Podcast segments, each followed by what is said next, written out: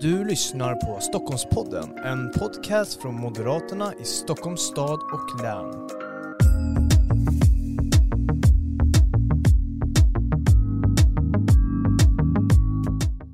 Varmt välkommen till ännu ett avsnitt av Stockholmspodden. Det här är ju Moderaterna i Stockholms stad och läns podcast. Som ni mycket väl vet just nu, det här är ju det 50 eller 51 avsnittet som vi faktiskt spelar in. Så jag tänker inte dra den här långa inledningen utan jag säger bara varmt välkomna den här gången. Eh, men som sagt, vi har ju med våra företrädare oftast, ibland har vi med experter och andra människor för att prata liksom om brinnande aktuella politiska frågor men också framtidsutmaningar, Sveriges utmaningar, våra kommuner och regioners utmaningar och eh, så vidare. Men nästa år är det också ett val faktiskt. Eh, tror det eller ej, det är ett val 2022 som vi också ska prata en hel del om under det här avsnittet. Eh, men jag ska välkomna våra gäster. Det är nämligen så att Mikaela Fletcher, kommunstyrelsens ordförande i Österåker, är här. Hej hej, tack så hej, mycket. Hej, varmt välkommen. Och sen har vi också Daniel Dronja, kommunstyrelsens ordförande i Huddinge. Tack så mycket. Och det är ju så här att ni har ju varit med i ett tidigare avsnitt. Det var väl, ja vi, vi pratade lite om det innan men jag tror det var i mars eller februari eller någon gång där i början. Och då pratade vi en hel del om pandemin och det ska vi inte beröra idag utan den lämnar vi bakom oss eh, och får beröra någon annan dag. Vi ska prata om massa andra olika saker. Men jag tänker, hur mår ni? Man måste ju alltid ställa den där frågan för det är ju trevligt att veta hur ni mår. Daniel, hur mår du? Ja men det är helt okej. Vi satte ju ribban på första, första avsnittet i den här podden och sen är det en, ett gäng efterföljare där. Eh, nej men jag mår jättebra. Alldeles nyligen klarat av inlämning av mål och budget och en partistämma så det känns bra. Ja, hur mår du då Micke? Ja, det är alldeles utmärkt. Kunde inte vara bättre. Mm. Jag, jag vill minnas att sist du var här, då hade du gipsat ditt ben. Eller din fot. Ja just det, precis. Ja. Det är kul att se att du i alla fall har återhämtat dig. Tog sin tid, det är nästan ettårsdagen snart här. Ja, hur ska Nej, du fira? Det är mer än ett år till och med. Hur ska du fira det? Eh, springa eller något. Klackarna i taket. Klackarna i taket. ja men eh, det är kul att höra att ni båda mår bra men vi, vi ska ju faktiskt beröra en hel del seriösa ämnen idag. Eh, våra kommuner, precis som jag sa inledningsvis, står ju för en hel del utmaningar. Det är ett viktigt val nästa år. Vi måste vinna våra kommuner. De ni leder men också ännu fler i landet men självklart också i Stockholm. Vi ska vinna vår region, Stockholmsregionen men såklart också byta ut, inte Stefan Löfven som alltid brukar säga utan nu blir en ny partiledare den här veckan faktiskt. Eh, men vi ska byta ut den efterträdaren då, då eh, och vinna valet och göra Ulf Kristersson till statsminister. Men innan det så för att vi ska vara lite aktuella som möjligt så är det ju så att det är en glädjenyhet från era båda kommuner. Det är ju nämligen så att ni båda sänker skatten i er budget för 2022. Eh, en applåd för det. Mycket bra. Eh, Daniel, vill du hoppa in? Nej. Inte? Nej, ja, men, så här, vi börjar med Österåker, ni sänker ju skatten ytterligare en gång. Ni har lägst kommunalskatt i, i hela Sverige och nu sänker ni ytterligare en gång. Varför gör ni det? För att det går och för att vi tar hand om, vi vet på vems uppdrag vi arbetar och vi vet vems pengarna är. Vem som har skapat värdet av pengarna och att vi använder de skatteintäkter vi får in så effektivt som möjligt. Och det har ju visat sig eh, vara framgångsrikt. Mm. Eh, både att sänka skatten och nu är det Ja, på 12 år har vi fått, har i alla fall jag fått vara med om att sänka skatten med 2 kronor och 35 öre. Mm. Och då, ni sänker ju också skatten, varför gör ni det i Huddinge? Ni är lite större än Österåker. Ja, eh, men vi har betydligt högre skatt också. Österåker är ju en förebild som visar att det går att ta sig från en hög skattenivå till längst, lägst i hela Sverige. Det är fantastiskt. Eh, och vi har ju tittat väldigt mycket på Österåker och en del andra kommuner. Vi tog faktiskt in Österåkers ekonomidirektör och lät honom gå igenom våra, våra styrdokument och vi har jobbat nu långsiktigt under flera års tid med att effektivisera, vända på varje krona, se till att den kommer dit den bäst gör nytta och att inte använda mer än vi behöver. Så att nu sänker vi för andra gången i rad och femte gången sedan vi tog över 2006. Mm. Det är ju en hel del ideologi bakom att, att sänka skatten men, men ger det liksom kvalitetshöjningar för att om man ska kolla på den andra sidan oppositionen så menar de ju alltid och förklarar alltid att moderater sänker ju skatten till bekostnad av välfärden och så vidare. Den här klassiska socialdemokratiska punchlinen när, vi pratar sänkt skatt. Hur bemöter ni det Österåker? Eh, alltså den, den, behöver ju inte bemötas så länge vi höjer kvaliteten och ökar resultaten i skolan. När jag började i Österåker och, och blev politiskt aktiv 2006 då låg vi på 200 någonting i eh, årskurs 9 slutbetyg av 290. Nu ligger vi topp top 20, topp 15. 15 plats i behörighet till gymnasiet. Mm. Eh, och det jag vill säga med det är att det krävs eh, tålamod och det kanske inte är min absolut bästa gren personligen mm. men Eh, det, det görs inte på ett år, det görs inte på en mandatperiod. Utan det här är långsiktigt fokuserat arbete. Precis som inom äldreomsorgen. 2010 låg vi väldigt mycket högre än det som man kallar för kommunens standardkostnader inom äldreomsorgen. Det vill säga vi fick inte ut något pang för pengarna. Men det var väldigt populärt att starta privata eh, och fristående äldreboenden i vår kommun. Eh, och naturligtvis då för att det var så hög peng. Mm. Vi har inte sänkt pengen, däremot så har vi sett till att få ut pang för pengarna. Mm. Jag tänker att eh, Daniel, ni är ju en liten större kommun, eh, ni är större än Österåker. Eh, men det här med att upprätthålla en fungerande välfärd med, med en hög kvalitet, hur tänker ni där? Hör sänkt skatt eller skatteintäkter ihop med, med kvaliteten i välfärden? Inte nödvändigtvis på det sättet i alla fall, att det finns ett sådant samband. Vi ser ju faktiskt i jämförelser att det är väldigt otydligt. Ibland är det till och med ett motsatt samband mellan mer pengar och bättre kvalitet. Eh, så det handlar ju precis som Mikaela säger, det handlar om vad gör vi med pengarna? Vad går de till? Går de rakt ut i klassrummet till lärare eller, eller stannar de på vägen någonstans? Och vi ser ju att det stannar för mycket fortfarande på vägen och vi är fortfarande inne i vår resa att, att komma, eh, komma vidare i de här frågorna. Eh, så att jag skulle säga att det, det, det handlar om det. Men, men Sen handlar det också om vilket perspektiv man har. Vi hade ofta perspektivet i Huddinge eh, tidigare att nej, men vi har ju så tuffa sociala utmaningar, vi, vi kommer inte kunna, kunna klara oss. Vi jämför oss med de som är närmast. Nej, vi har slutat med det. Vi jämför oss med de som har lyckats mest. De som är bäst har mest att lära oss. Det är de, de vi tittar på. Där är Österåker en av de, en av de kommunerna. Mm. Och där är det ju så att det, eh, men ni har ju, som du sa, vår chefsekonom och, eh, kom ju ut och besökte er och er kommundirektör. Eh, han har ju varit, eh, dels är det ju samförståndet och samsynen politik och tjänstemän som spelar roll. Det vill säga kommundirektör, ekonomidirektör och KSO. Mm. Eh, men det spelar ju också roll vem, hur man förmedlar, vem äger budgeten? Är det tjänstemännen som äger budgeten eller är det politikerna? Och hos oss, och det har ju ni också ursäkta, arbetat med, där vi, vi varit väldigt tydliga med att det är politiken som äger budgeten. Och det är vi som bestämmer, det är inga mm. äskanden som kommer. Vi har också utmaningar hos alla våra nämndsordförande att vad kan ni sluta med? För det är ju ofta så att jo men allt blir dyrare och nu måste vi, får vi fler pålagor och nu måste vi arbeta mer. Mm. Men istället titta på vad, vad kan vi sluta göra? Vad är det vi inte behöver? Allt behöver skruvas på och sen också se som du sa, vad får vi ut av den här pengen vi sätter in? Får vi, får vi en output av det? Mm.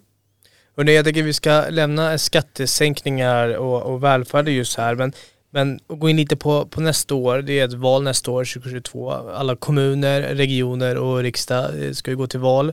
Eh, och det finns ju en hel del frågor som bubblar i våra kommuner. När ni sist var här så pratade vi en hel del om välfärden kopplat till, till corona, hur pressad den var. Men under den här tiden, eller de senaste åren, men, men såklart även här under sommaren och framåt så har ju trygghetsfrågan varit enormt dominant i, i debatten. Eh, kolla på dig Daniel, det var ju ett hemskt dåd i Flemingsberg i sommar där två barn hamnade i skottlinjen och blev skadade. Jag tänker här, tryggheten, kommer den vara avgörande i nästa års val? Ja, det skulle jag nog säga. Eh, det var en viktig fråga för fyra år sedan också men eh, det har hänt väldigt mycket och nästan allting till det sämre under de här fyra åren. Så att det kommer vara en, en helt avgörande fråga vem som kan ge svar på hur tar vi tag i de riktigt allvarliga problemen? Eh, I vårt fall mycket kring gängkriminalitet, vardagsotrygghet, rädslan att gå ut. Det, det finns hur mycket som helst som behöver göras och det är väldigt lite som görs från, från regeringens håll. Mm. Vi pratade ju tidigare om det här med valuta för skatte, eller skattebetalarnas pengar, att man ska värna om dem och så vidare. Men, men, hur långt ska kommunerna egentligen behöva gå när det kommer till brottsförebyggande åtgärder och så vidare? Det är en fråga som ständigt är på debatt just nu, för det är ändå ja, men staten som äger den här frågan men, men på något sätt har det ju nu blivit kommunernas, främst moderata kommuner som, som går framåt i frågan och ser att ja, men vi måste göra kommunala åtgärder. Mikaela, hur, hur långt tycker du att man som kommun kan gå i den här frågan? Alltså, får vi bara tillåtelse, eh, det vill säga att eh, som du säger, staten äger den här frågan, det går, ligger på den statliga skattsedeln. Eh, sen att vi kommuner väljer att göra, vidta vissa åtgärder, till exempel att hyra in ordningsvakter, Eh, det vill säga upphandla ordningsvakter eh, med ett geografiskt ansvarsområde och de har ju mer befogenheter än vad en, en väktare har. Eh, och att ehm, ha övervakningskameror. Men allt det här måste ju vi söka tillstånd om. Vi, som rättsavdelningen på, hos polisen sätter stopp för. Vi fick stopp för att vi hade det, och hör nu, ni kommer trilla av stolen, för att ni har det för lugnt. Ja men vänta nu, vi har det för lugnt därför att vi har vidtagit åtgärder och vi har valt att lägga kommunala skattepengar. Och när rikspolischefen gick ut för, kan det vara sex år sedan, gick ut och sa att eh, han inte kunde garantera polisiär närvaro under en sommar. Det var då Dan Eliasson var rikspolischef. Eh, då eh, gick jag ut och skrev en debattartikel och vi hyrde ju in, eller handlade upp ordningsvakter och så skickade jag fakturan till Dan Eliasson. Nu fick vi inte betalt men, men det är ju faktiskt en statlig uppgift att garantera medborgarnas trygghet. Och då lägger vi det på ett särskilt vi har valt att kalla det för överrullningskonto, det vill säga det som staten egentligen har som ansvar som de inte står upp för och inte svarar upp för. Det lägger vi på ett särskilt konto så vi har, helt, vi har stenkoll på hur mycket pengar vi lägger i förebyggande. Men sen är det ju en massa annat, skola, absolut det viktigaste. Att barnen kan läsa och skriva när de kommer upp i mellanstadiet. Måste se till att de knäcker läs och skrivkoden. Det är den bästa garanten för att man inte ska hamna i dåligt sällskap och utanför. Mm. Men det finns väldigt mycket mer. Jag vet att ni också jobbar med, med det och där tittar ju vi på er, vad ni gör och ja. andra kommuner. Det är bra att ni tittar på varandra här, eh, både kommunvis också. Eh, men, men, jag tänker Daniel, efter det här, ja, men det som hände i sommar i Flemingsberg, det var ju väldigt uppmärksammat i, i riksmedia, bland annat vid, vid sidan av de andra skjutningarna som bara är en flash nu för tiden, om ens det, mm. eh, så var det här väldigt uppmärksammat. Hur, hur, tänkte ni då i Huddinge, att ni skulle, tänkte ni då att ni måste in i mer eh, åtgärder eh, kanske än vad ni hade innan? Ja, alltså det här är ju en väldigt speciell händelse. Eh, den är allvarlig för att nu är det för första gången barn som, som blir liksom direkta måltavlor eller rättare sagt drabbas av det gängrelaterade våldet.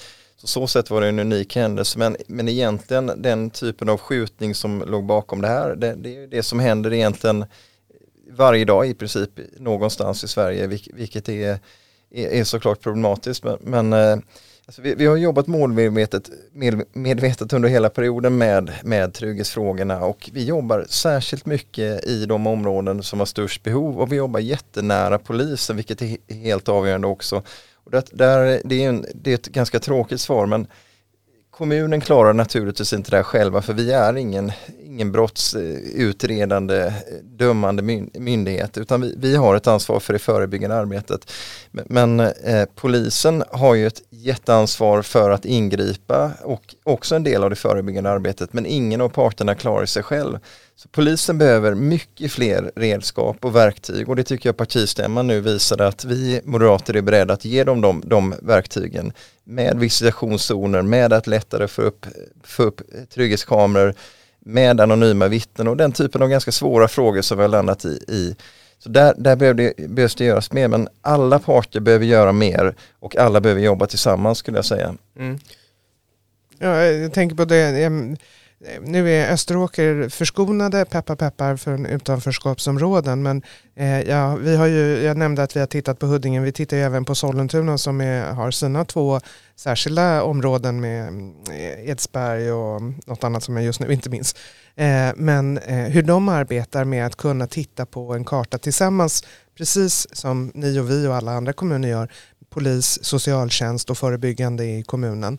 Eh, där vi tittar på var finns, hur ser livskvaliteten ut, hur, eh, är man ensamstående med barn, eh, har man kommit utomlands ifrån eh, och på så vis kan man identifiera var ska man sätta in de extra resurserna.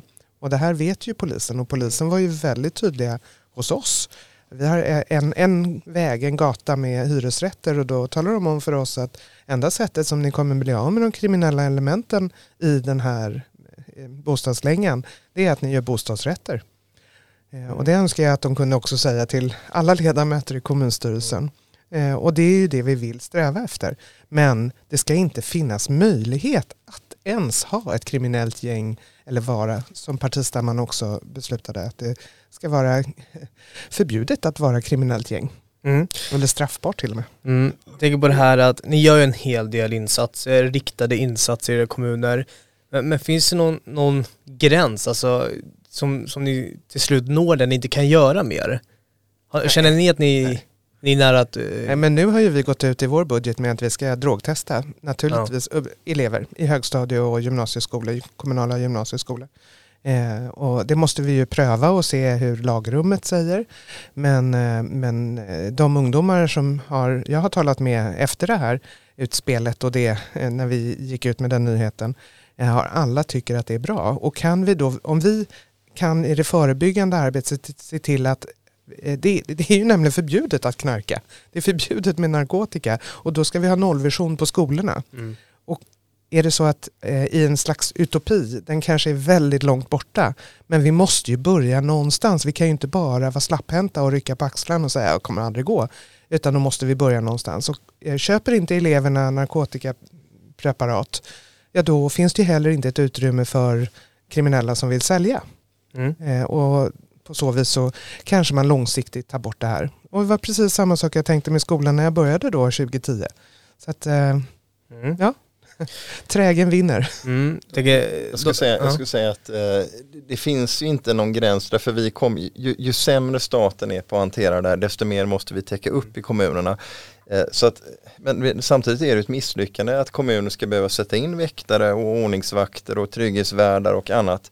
Därför att klara, av, klara att fylla den, den uppgift som inte staten som bär ansvaret och har resurserna är satt att fylla. Det är ju det, är det som är det problematiska men vi ger aldrig upp. Vi, vi kommer aldrig ge upp eh, på trygghetsfrågorna. Vi, kom, vi kommer aldrig svika Huddingeborna i, i det avseendet. Så vi kommer att behöva göra mer. Men vi hoppas ju att staten också kan göra mer och framförallt att vi kan göra mer tillsammans. Det är då vi kan få, få effekt Mm. och att, att ta de här tuffa stegen som partistämman gjorde nu. Det tror jag är helt nödvändigt. Det är en extraordinär situation och då behöver vi sätta in extraordinära Mm. händelser. Ni båda vill ju göra mer, men är ni begränsade? Eh, Man pratar ju en hel del om att kommunerna saknar verktyg Mm. eh, på flera olika områden, men just som vi kollar på, på trygghetsområdet då, då Känner ni att ni saknar verktygen som ni behöver Du får ju kunna... inte sätta upp övervakningskameror. Det måste Nej. ansökas om och det Ja. tar över ett och ett halvt år att få tillstånd. Vi måste ansöka om, eller det är inte vi ens som kommun som ansöker, utan det är vårt upphandlade vaktbolag och en enskild ordningsvakt enligt den lagen som är sedan 70-talet och det är ju ett par år sedan. Ja. eh, som måste skriva på den här ansökan hos rättsavdelningen hos polisen. Vilket är helt vansinnigt. Det här, staten gör inte vad de ska men de litar heller inte på oss som kommun utan vill att ett upphandlat vakt... Alltså ni hör hur fel det Mm. är. Och det är det här som partistämman nu också har gjort många lättnader för att vi ska kunna. Om vi vill sätta upp övervakningskameror så ska vi göra det. Om våra medborgare inte vill att det ska finnas några då röstar de bort oss. Hos oss och i Huddinge och jag tror att allra flesta kommuner med de som har, ursäkta uttrycket, rent mjöl i påsen. Mm. De kommer ju tycka att det är bra. Det är ju ingen som kommer tycka att det är dåligt. Alla vill ha trygghet. Och när staten inte svarar för det, ja då ska vi gå utanför det som är kommunallagen och det som är våra kärnverksamheter, det kommunallagen säger att vi ska göra och lägga pengar på sånt där våra medborgare betalar dubbelt. Dels betalar de till staten som inte gör vad de ska och sen så tar vi av deras pengar för att göra det som måste göras. Mm. Vad tänker du Daniel kring de här verktygen? Nej men de måste bli fler eh, och tydligare. Vi är ingen brottsbekämpande myndighet, en kommun, utan vi har väldigt begränsat vad vi, vi kan göra. Eh, ta en sån fråga som avhopparverksamhet som ligger på kommunerna som vi har behövt bygga ut väldigt mycket, inte minst när Vårbynätverket då, eh, där man knäckte Vårbynätverket och vi tar hand om, om ett antal personer. Där satsar regeringen 15 miljoner i hela Sverige på alla kommuner på den här verksamheten. Och bara i 15 Hud- miljoner. 15 miljoner och bara i Huddinge kostar det eh, de program vi har igång idag över 10 miljoner. Så att det säger ju någonting ting om vad, vad som behövs och att i grund och botten tror jag att man, man, eh, man vill inte eller förmår inte riktigt ta tag, se allvarligt, allvaret i det här och ta tag i problemen. Jag tror att det är, eh, är så. Men vi får heller inte bli dysterkvistar och det är väl någonting vi ska tänka på Moderaterna. Vi Mm. pratar om allvarliga ting men när det här hände i Visättra, eh, de här skjutningarna där barnen, barn drabbades, folk i, i, all, i områdena reste ju sig och blev vansinniga över att det här händer i deras område. Alltså, människor, andelen som är, är eh, inte håller på med sånt här och vill ha ett tryggt och lugnt samhälle, det är ju en förkrossande majoritet i alla områden i hela mm. Sverige. Så man får heller vara försiktig med att stämpla områden. Det finns väldigt mycket goda krafter och det, det gör mig också hoppfull. Mm.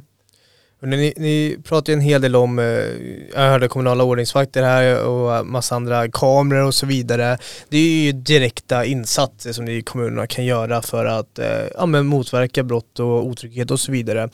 Men jag vill ta upp också det förebyggande arbetet, för det är ju någonting som ni kommuner också kan jobba väldigt mycket med. Du var inne lite på det tidigare Mikael, det här med, med skolan. Mm. Och jag tänker att jag, jag, slänger ut lite, lite begrepp här, alltså för att kunna jobba förebyggande. Så jag slänger ut eh, skola, arbetslinje och integration, de här tre då. då. Mm. Eh, så skola, arbetslinje och integration. Eh, hur kan ni jobba med det förebyggande? För att förebygga trygghet exempelvis. Vem vill börja? Ja, jag kan börja. Ja. Eh, skola, ja men där har ju vi eh, under många år lagt in eh, resurstillskott i F till 3, för jag nämnde tidigare att man knäcker läs och skrivkoden. Att eh, klara skolan är en stor del av avgörande för att man då inte ska hamna i utanförskap.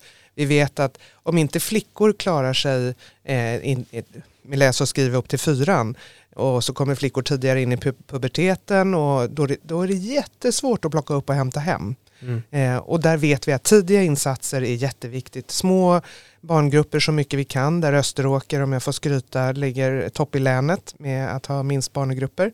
Ehm, och det är ju också en politiskt eh, beslut och en ambition att vi ska ha det. Eh, sen är det ju naturligtvis allt vi kan när det gäller att eh, få ungdomar att göra vettiga saker.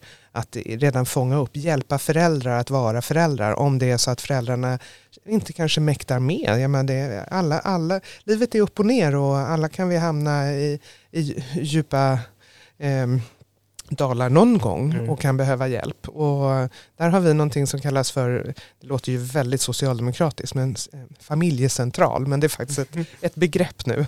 Där man tidigt jobbar med BVC och med socialförvaltningen och med skola för att, och elevhälsa för att se till att de här eleverna inte ska trilla mellan stolarna. Sen finns det en mängd massa saker andra som vi gör med trygghetsskapande åtgärder. Vi har nattvandring, Österåkers nattvandrare är, är en av de största i landet. Där du nämnde att människor i området är, de sluter sig samman och sluter upp för att visa att det här vill vi också vara med och påverka och ta tillbaka och det är också avgörande. Där, och jag fick själv vara ute och nattvandra här i, eh, förra veckan. Mm. Eh, nu träffade vi inte på så mycket ungdomar men det, är, det är en bra sätt att visa att vi finns. Mm. Jag tänker att era kommuner skiljer sig lite, du pratar mm. en hel del om skola här, men, men ni har en del utanförskapsområden eh, som ni behöver jobba med. Men hur tänker du där kring det förebyggande arbetet just i de här områdena, vid Vårby gård exempelvis, Masmo, Flemingsberg och så vidare? Ja, alltså det, alla de områden du nämner, integration, skola, eh, möjlighet att ta sig vidare i livet, allt det där är ju så grundläggande i en kommun och det, det, är ju där, där lösningarna sitter tror jag i väldigt hög utsträckning. Precis som Mikaela sa eh, så är skolan och vad, vad, vi ger för, för start för, för våra unga i livet, det är det som kommer att avgöra mycket. Lyckas man i skolan så har vi liksom då, då har man väldigt mycket bättre odds än om man inte gör det. Sen är man ju i skolan, hörde jag någonstans, mindre än en tredjedel av, av sin tid egentligen. Så att det är ju väldigt mycket annat i samhället som måste funka. Och familjecentraler och sådant, för, föräldrarådgivning. Det må låta sossigt men det är helt mm. nödvändigt tror jag, för alla är inte starka. Alla familjer klarar inte sig själva. Vi behöver steppa in och stötta, för vi vet att gör vi det så kan det vara en liten insats som ger väldigt mycket resultat, eh, eller vi undviker väldigt mycket, mycket längre fram. Så mm, det är oändligt egentligen hur mycket verktyg vi har i det förebyggande arbetet. Frågan är vad är rätt, vad ger effekt och vad kan vi ha råd med i förhållande till allt annat och alla andra åtaganden. Och det är inte alltid en lätt balansgång, särskilt nu när jag upplever att staten inte kliver fram och, och tar sin del. Då får vi ta mer i kommunerna. Mm. Tänk på den här balansgången eh, som du nämner Daniel. Eh, hur, hur tänker ni kring den här? I, i det här om vi bara ska ja, men, eh, lek med det man måste balansera. För alla komponenter är ju viktiga, alltså att kunna ha ett arbete att gå till, eh, ha en fungerande skola, eh, ha det bra hemma och så vidare med sina föräldrar. den här balansgången, hur ska man jobba med den i, i kommunerna? Det är ju en ja, million dollar question nästan, eller det är ju, en, återigen, nu blir jag dysterkvist igen, eh, därför återigen, statens ansvar är Arbetsförmedlingen och den Mm. lägger man ner. Eh, jag menar, eh, Österåker, eh, även om vi inte har lika många invånare så är vi ju geografiskt en väldigt stor kommun eh, med både centralort och där man har det man önskar där men också landsbygd och eh, skärgård. Vi har ju 1100 öar, nu är inte alla bebodda tack och lov. Eh, därför att då hade det blivit väldigt dyrt med skolskjuts och svävare på vintern. Hur som helst, alla vill ju ha samma sak. Eh, men bor man på Ljusterö eller Ingmarsö och ska ta sig till Arbetsförmedlingen så finns det närmast i Sollentuna. Det tar ett och ett halvt dygn att ta sig dit kollektivt. Alltså bara det är ju helt absurt. Vi vill ta över, vi är bättre, vi känner våra invånare bättre, vi känner våra företagare bättre än vad Arbetsförmedlingen i Sollentuna gör. Nu har vi tack och lov en väldigt låg arbetslöshet. Vi ligger nu på 4,4 procent. Eh, och det vet vi att det är bland det lägsta i landet nu även efter pandemin. Men arbetslinjen är avgörande. Vi kollar upp socialbidragstagare eller försörjningsstödstagare väldigt noga. Ser till att det här är bara tillfälligt. Att man också är medveten om det. Att det är arbete som gäller i den här kommunen. Vi vill inte låta eh, andra betala för att man ska ligga på soffan. Men som det ser ut idag med de lagar vi har, återigen dysterkvist som vi vill ändra på, så måste det löna sig mer att arbeta än att gå på bidrag. Vilket är helt vansinnigt som det ser ut nu. För varför ska man ge incitament, eller var hittar man incitamenten att gå till ett jobb när det ger mindre. Det är dyrare Mm. med att man ska ha SL-kort och det är dyrare med att man ska äta luncher ute eller ha med sig än att vara hemma. Mm. Så, Allt, allt sammantaget. Men ehm, här vet jag ju att ni också är väldigt noga med, med arbetslinjen och försörjningen. Ja, Det är väldigt avgörande i en kommun. Där är ju någonting vi kan jobba med. Precis som du säger så är Arbetsförmedlingen egentligen de som har ansvaret. Men då kliver vi fram när inte, när inte det, det fungerar. Och, och, eh, det, eh, jag tror det handlar mycket om att sänka trösklar. eh, Där, där vi har en del spännande projekt i våra eh, områden, områden med störst utmaning. Där vi gör sommarlovssatsningar där man tillsammans, eh, de som bor i området får chansen att få jobba i området med att snygg, göra ett tryggt och snyggt område ännu bättre. Det, det finns mängder med insatser som vi gör för att, att hjälpa, hjälpa unga människor att få det här första klivet in och inte ta, ta ett snedsteg eh, som första klivet. Och det, det Mm. finns så mycket som helst. Eh, sen handlar det naturligtvis om, om det är inte bara att se till att, eh, att arbetstagaren kommer i arbete, det måste finnas jobb att söka också. Hela vårt eh, paket för ett, ett bättre näringsliv där vi satsar på utvecklingen i Flemingsberg till exempel, där vi tillskapar 35 000 nya arbetsplatser och där vi jobbar med företagsklimatet i alla kommuner i, i hela, hela landet. Småföretagen är ju svaret på mycket av, av var jobben ska växa fram och där, där, även där finns det jättemycket Mm. mycket att göra eh, på alla nivåer. Och du Mm. nämnde integrationen. Hos oss, eh, där börjar det liksom från dag ett att man kommer som nyanländ. Nu har vi ju under pandemin inte tagit emot några eh, alls i lika stor utsträckning. Även om vi inte tycker om anvisningslagen så har vi den och bosättningslagen att förhålla oss till. Eh, men vi talar ju om redan från dag ett att eh, du har, di- din uppgift när du får ditt etableringsstöd det är att säga välkommen till Sverige, du får ditt etableringsstöd under två års tid. Från dag ett ska du söka dig bostad någonstans i Sverige. Österåker drar vi inte in någon handbroms eller fryser kön till det kommunala bostadsbolaget för det är fyra års kö för att få en lägenhet. Och då är det människor som har stått i kö som ska stå och vänta för att vi stoppar in andra, att det blir någon gräddfil. Eh, vi säger också att man ska bli aktiv i något slags föreningsliv. För på så vis så kan man också skapa sig eh, dels vänner men eh, också se hur, hur fungerar det i det här landet Mm. och hur fungerar det i den här kommunen som är naturligtvis oftast detsamma i alla kommuner i landet. Ehm, och det funkar jättebra. Vi, vi är bland men de mest föreningstäta kommunerna i landet. Man behöver inte vara syssla med idrott, det finns en mängd andra. Vi har civilsamhället som ställer upp mangrant när eh, nyanlända kommer. Eh, men återigen, vi har inte fått så många nu eh, senaste tiden, vilket har naturligtvis varit underlättat för vår bostadsmarknad. Mm.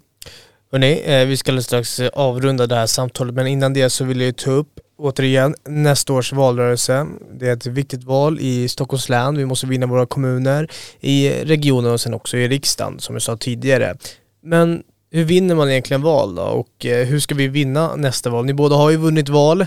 Ni båda sitter ju här som KSOer, har eh, också en lång erfarenhet inom politiken. Eh, och det går ju egentligen ut på att vinna val. Eh, den här cykeln avslutas ju alltid med ett val och så börjar den också med, med ett valresultat. Eh, så Mikaela, nästa års val, hur vinner vi lokalt? För man brukar ju säga så, att val vinns lokalt. Ja, och det är ju det det gör, men det är ju svårt att få människor att ta eh, en moderat valsedel, kommun, region och riksdag.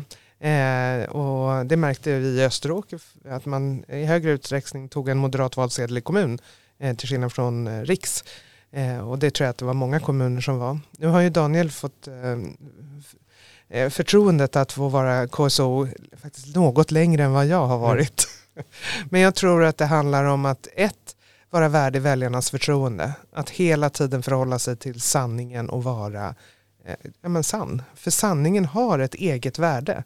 Och i den här ska vi säga, intellektuellt ohedliga världen som vi ändå lever i, där vi har en lokal och en, en nationell opposition, eller eh, lokal opposition men eh, en, en eh, regering på, mm, som sysslar med intellektuell ohedlighet, billiga politiska poänger. Vi vill inte, vi får inte tycker jag, sänka oss till den nivån. Men det är ju väldigt, väldigt eh, lockande att göra det.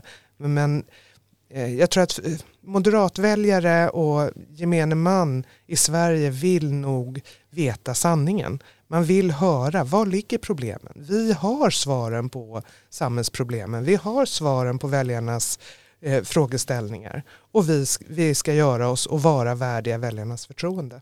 Och, och tillgänglighet, tror jag. Mm. Sen, Ja, du säger det så bra. Eh, så att jag håller bara med om, om allting och Morgan Johansson och gänget får väl använda sin brunburk och smeta den någon annanstans så, så talar vi om samhällsproblem och vad vi har för lösningar och det är ju det det handlar. Om, om vi har bäst svar på det som väljarna ställer frågor om och jag, tror att vi i väldigt hög utsträckning har bra svar. Det gäller också att vara tydlig med att, att eh, nå ut med det och förklara det och precis som, som du säger Mikaela, ärlighet varar faktiskt längst. Eh, vi har mycket fördomar om oss som politiker, eh, om politikerskrået men att stå upp och tala om vad vi ser som problem och vad vi vill göra åt det, det tror jag det är det allra viktigaste. Och sen handlar det också om ett lagspel vi går till val som, som parti. Vi har jobbat ihop i ett lag nu i, i fyra mandatperioder snart. Vi hoppas att kunna fortsätta det. Så det handlar om att kunna jobba ihop och tillsammans hitta, hitta vad som är allra viktigast så vi kommer framåt hela tiden. Och det absolut sista, eh, roligast vinner. Vi ska inte bli dysterkvistar. Även om vi pratar om samhällsproblem som är väldigt tunga och dystra så ska vi göra det med ansatsen precis som jag tycker vi har gjort idag. Eh, om man får recensera oss själva, kanske jag inte ska göra. jo, det är klart. Men att se vad är lösningen, så. vad är optimismen, hur kan vi klara oss ur det här? Vi är mm. inte ett parti som gräver ner oss i problemen, vi löser problemen och kliver vidare. Mm. Och sen inte lova allt åt alla. Nej. Utan eh, och det vi lovar det håller vi. Och det har ju vi visat oss vara värdiga många, många gånger om eh, i olika val. Att, eh, vi är tydliga med att vi lovar inte allt åt alla, det går inte. Och vi är också tydliga med att staten ska vara stark men den ska vara liten. Mm. Mm. Hörrni, de orden, de kloka orden avslutar vi nu det här avslutet med. Jag vill tacka dig Mikaela Fletcher och dig Daniel Dorner för att ni kom ännu en gång till Stockholmspodden. Vi kommer igen. Ja, ja. Härligt. Ha det fint. Tack. Tack.